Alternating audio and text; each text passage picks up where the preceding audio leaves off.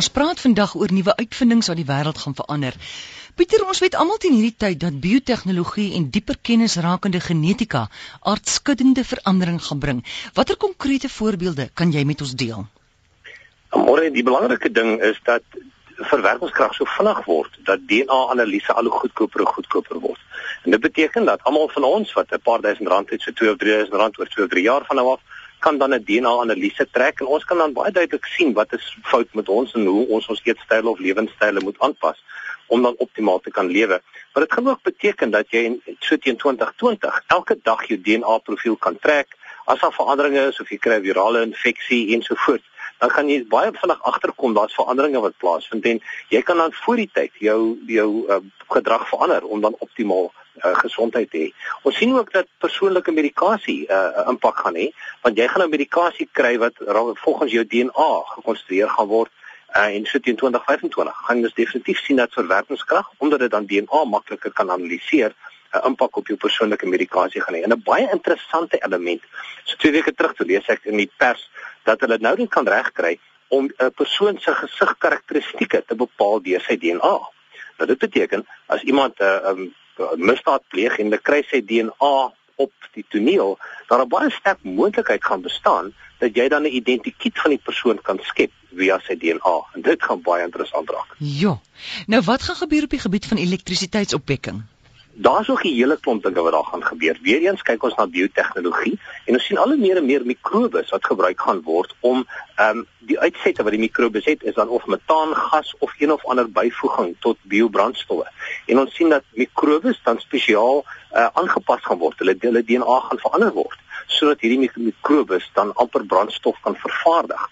En ons sien dit ook in die volgende 15 jaar na vore tree om dan die wêreld se energiekrisis te help bestuur. Maar in terme van elektrisiteit is daar 'n paar praktiese dinge wat ook gaan gebeur. Ons sien al hoe meer en meer huise wat dan sonpanele gaan begin kry.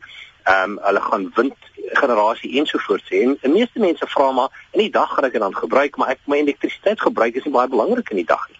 En wat ons hoop gaan gebeur is dat jy dan van die elektrisiteit wat jy dan in die dag opwek kan verkoop aan die uh, energie uh, um, verskaffer. Mm. So jy verkoop dan hierdie elektrisiteit wat jy opwek aan die energie netwerk en in die aande wanneer jy dit nodig het dan tap jy weer 'n bietjie af en dan betaal jy net aan die einde van die maand die verskil van wat jy gebruik het en wat jy dan gelewer het.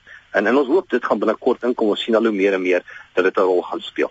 Ons sien ook dat telekommunikasiekoste baie gaan afneem en as uh, jy so 'n bietjie agtergrond in elektrisiteit en elektronika het, dan sien ons dat as jy jou waterpomp byvoorbeeld hardloop, is daar iets wat ons 'n kapasitiewe las het en uh, jammer, 'n waterpomp gaan 'n induktiewe las hê, jou yskas gaan 'n kapasitiewe las hê. Nou as jy dit onafhanklik van mekaar hardloop, dan is jou energiegebruik hoog, maar wat baie interessant is, as jy byvoorbeeld jou yskas en jou water en jou swembadpomp op dieselfde tyd hardloop, dan is jou um, elektrisiteitskoste aan die einde van die maand laer omdat daar 'n verskillende tipe las is wat jy dan op jou elektrisiteit plaas. En ons gaan al meer en meer sien dat daar slim meters gaan wees wat jy dan kan gebruik om jou pomp en jou yskas op dieselfde tyd aan te skakel om dus jou energieverbruik minder te maak. In die toekoms sien ons ook dat elektrisiteitspryse gaan verander as eh, in terme van die tye van die dag. So in die aande gaan miskien meer wees en in die dag gaan dit goedkoper wees of in die vroeë oggendure gaan dit goedkoper wees. En daarom sal ons ook sien dat jy dan verskillende uh, toerusting kan aanskakel op daai tydperke en dan minder daarvoor betaal. Maar dis nou as alles meer intelligent word en ons sien in die volgende 7 na 8 jaar voorbeelde van dit uh, wat gaan gebeur. En dan baie vinnig aan die einde van die dag sien ons ook dat uh, daar nuwe kleure op die horison is en terwyl jy loop in die dag dan genereer hierdie kleure van jou elektrisiteit genoegsaam om jou selfoon te kan laai.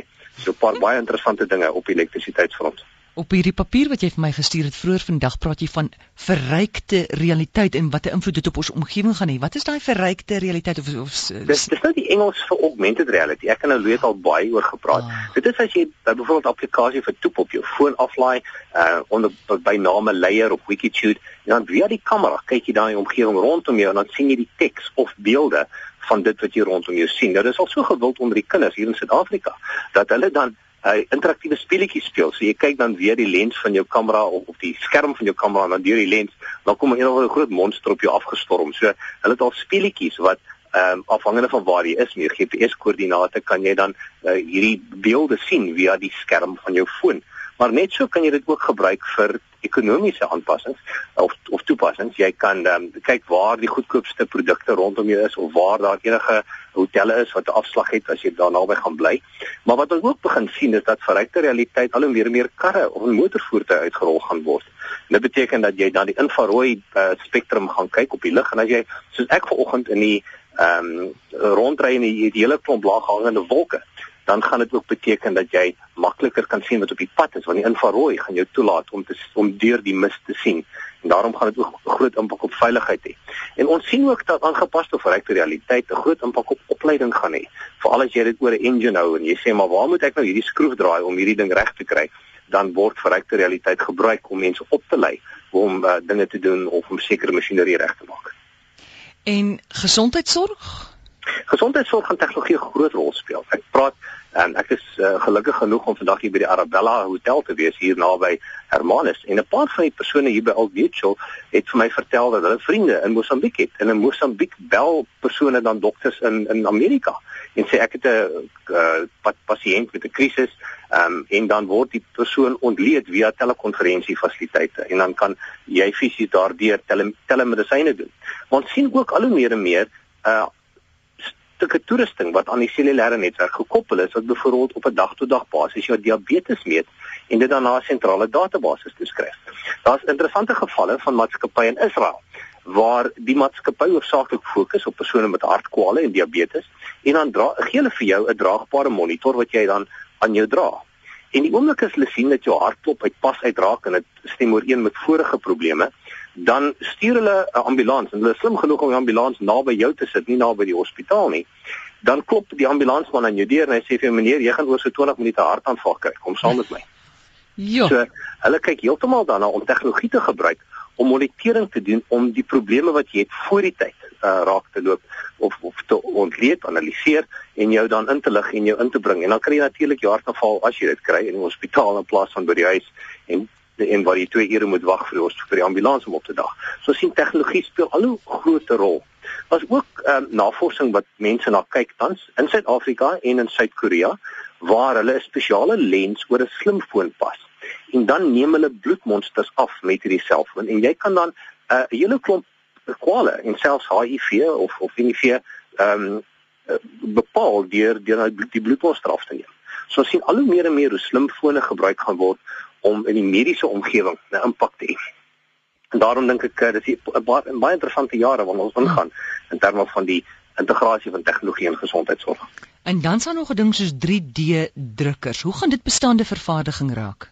Ehm um, in Suid-Afrika het ons 'n hele paar leiersfigure. Uh Dion de Beer van die Vaal Universiteit van Tegnologie, hy is baie sterk daarin. Ehm um, hy het byvoorbeeld uh, in Kimberley en in die Vaal ook hele klomp uh, studente wat aan die 3D drukkers infrastruktuur werk. 3D drukkers stel jou in staat om die bloudrukke van 'n produk af te laai en dan druk jy dit eenvoudig. In een van Dion se stories is hulle hierdie spesiale parkie of uh, 'n stuk toerusting nodig gehad en hulle moes weke daarvoor wag en toe druk hulle hom sommer daar in Kimberley en hulle het toe dit gebruik om ander dinge mekaar te slaan. Die 3D drukker word al vir jare gebruik in die internasionale ruimtestasie want jy kan nie elke nou en dan 'n taxi opstuur om 'n stukkie toerusting deur te vat nie. Maar ons sien al hoe meer en meer hierdie 3D drukkers wat gebruik gaan word om allerlei met tipe materiale te druk. Metaal, plastiek, ehm um, keramiek, hele klomp stukke of hele uh, reeks materiale wat gebruik kan word uh, om dinge driedimensioneel te druk. In plaas daarvan die ou besigheidsmodel om in China 'n uh, 100 000 van 'n eenheid te maak en dit wêreldwyd te verskeep, kan jy dit nou net druk die as jy eenmalig nodig het op jou plek. Daarom sien ons 'n tamelike verandering in die volgende 8 na 9 jaar in driedimensionele drukwerk. Henk Pieter, dis dis nou mondvol, né? Wat jy vandag hier gepraat het. En dit is so klein bietjie, maar so elke nou en dan moet ons dan ten minste ja. oor die toekoms ook gesels.